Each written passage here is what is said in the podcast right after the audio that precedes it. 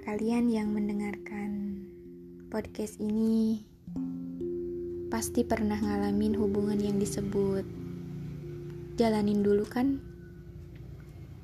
Kalian tanya tuh sama yang jawabnya kayak gitu. Maaf, jalanin yang kayak gimana ya?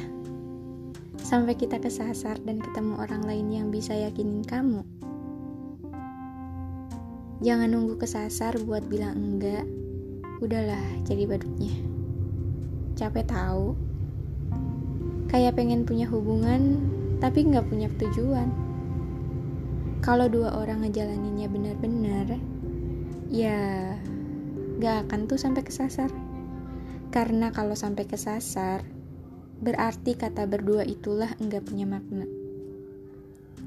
Kalau dipikir-pikir ya, Hubungan yang gak ada statusnya bukan alasan untuk menghindari dari patah hati.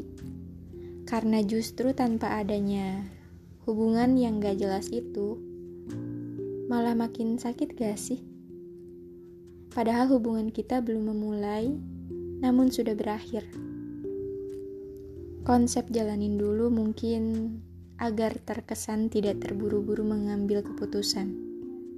Tapi hal tersebut itu membingungkan jangan sampai uh, ngikutin arus terus tapi harus bisa kuatin kendali. Enggak ada ikatan cuma buat kamu senang bukan tenang. Mau perempuan mau laki-laki kalau nemu yang kayak gini tahu kan perasaan kalian harus diarahkan ke mana hati-hati pada kata jalanin dulu. Takutnya gak nemu titik temu.